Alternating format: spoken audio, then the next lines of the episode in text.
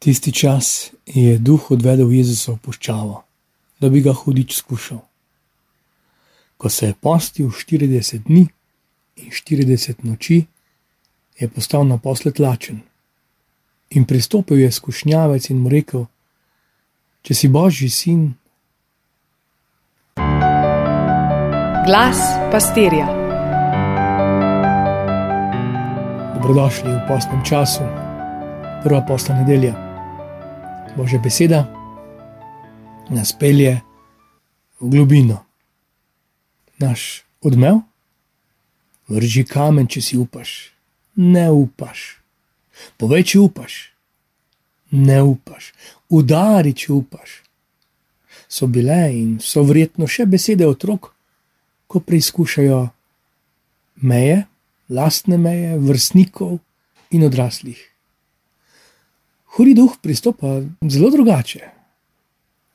Hitro lahko spregledamo, da je Jezus revež v puščavi, tam proti svoji volji, puščava, žeja po dnevi vročina, po noči mraz, kače in škorpioni, še druge zveri, malo oas in še tiste so bolj kot ne fata morgana. Osamljenost, lakota, oslabelost. Iz filmov si lahko predstavljamo, pa če smo imeli možnost vse malo doživeti resničnost te pokrajine. Pa ne gre za puščavo in njene čare ali divjo moč. Spregledali smo, da je Jezus poln svetega duha. Pozabili smo, da so se malo nazaj nebesa radovala, ko je oče iz nebes klical: Glejte ga, to je moj sin, to je moj ljubljen sin, tako sem ga vesel. In da se je prerok zazorovan in tu je človek prepoznal Boga. Če so trije modri po krepenenju, pa nebesnih znamenjih, zrli v dete Mesija ga sedaj srečajo, kako se sprehaja med njimi. Z njim je božja prisotnost, nebesa se oglašajo, kako ob rojstvu ali pa še bolj. Takrat se je slišalo angelsko petje, na koncu mu bodo stregli, tokrat pa se oglasi sam oče. Kako je bilo srce Jezusu, s kakšnim zanosom gre v naslednji jutrišnji dan, potem Janozovem krstu, s kakšno močjo ko se na štartni liniji tega javnega delovanja pripravlja, ne, to bo šele veliki pok in preboj. Ampak razočaranje. On gre v puščavo.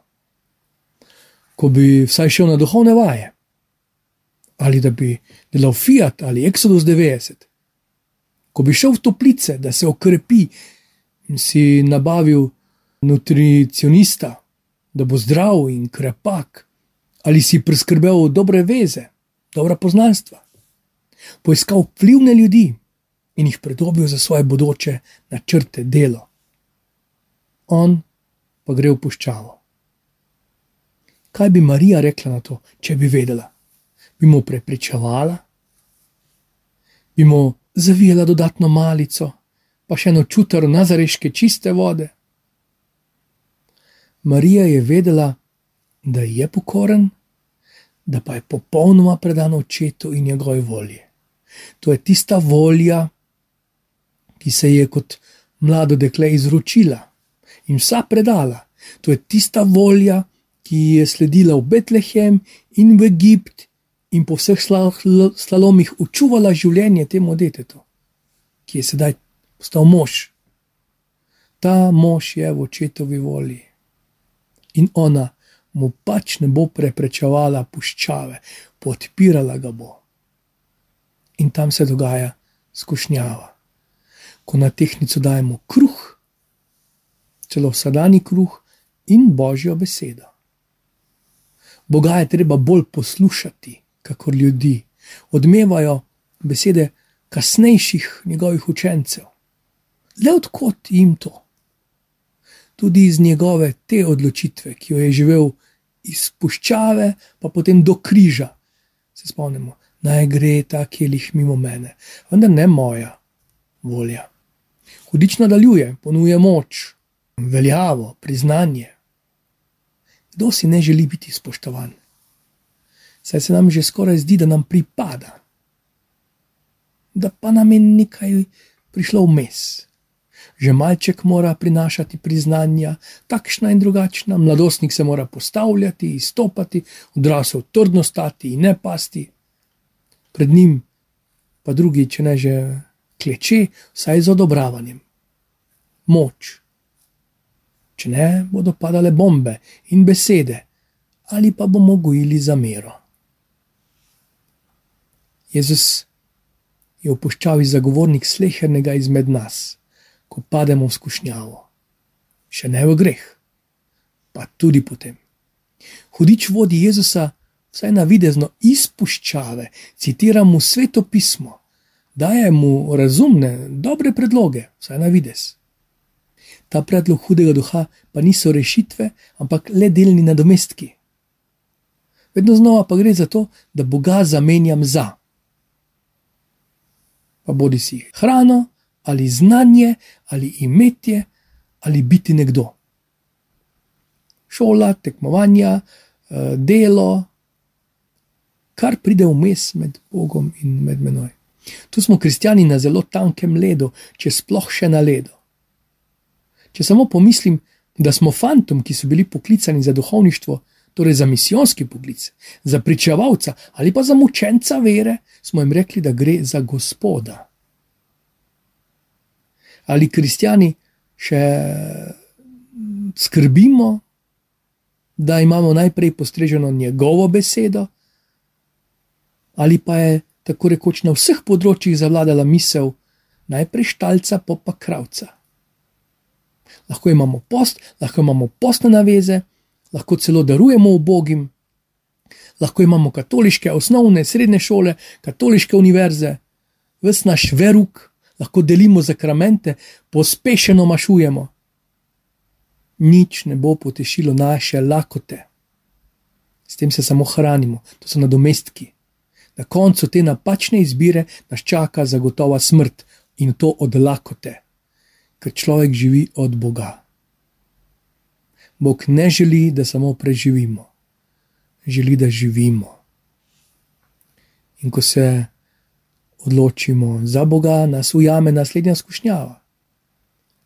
Da bi imeli pod nadzorom njega, Boga, odzivnega na naš klic, na našo molitvico, na dobro delo, na naš post.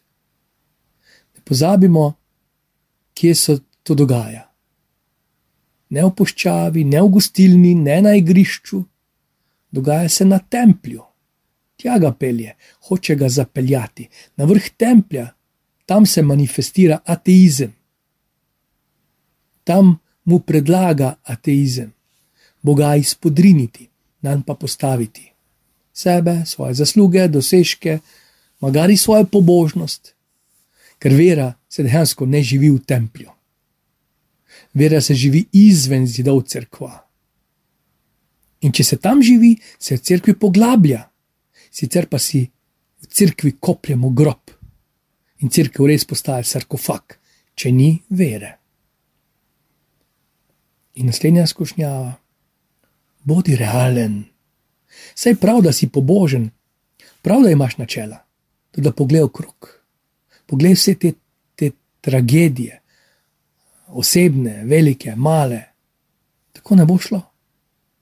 Še vedno si lahko v srcu kristjan, ampak sprejeti moraš malo večjo odgovornost.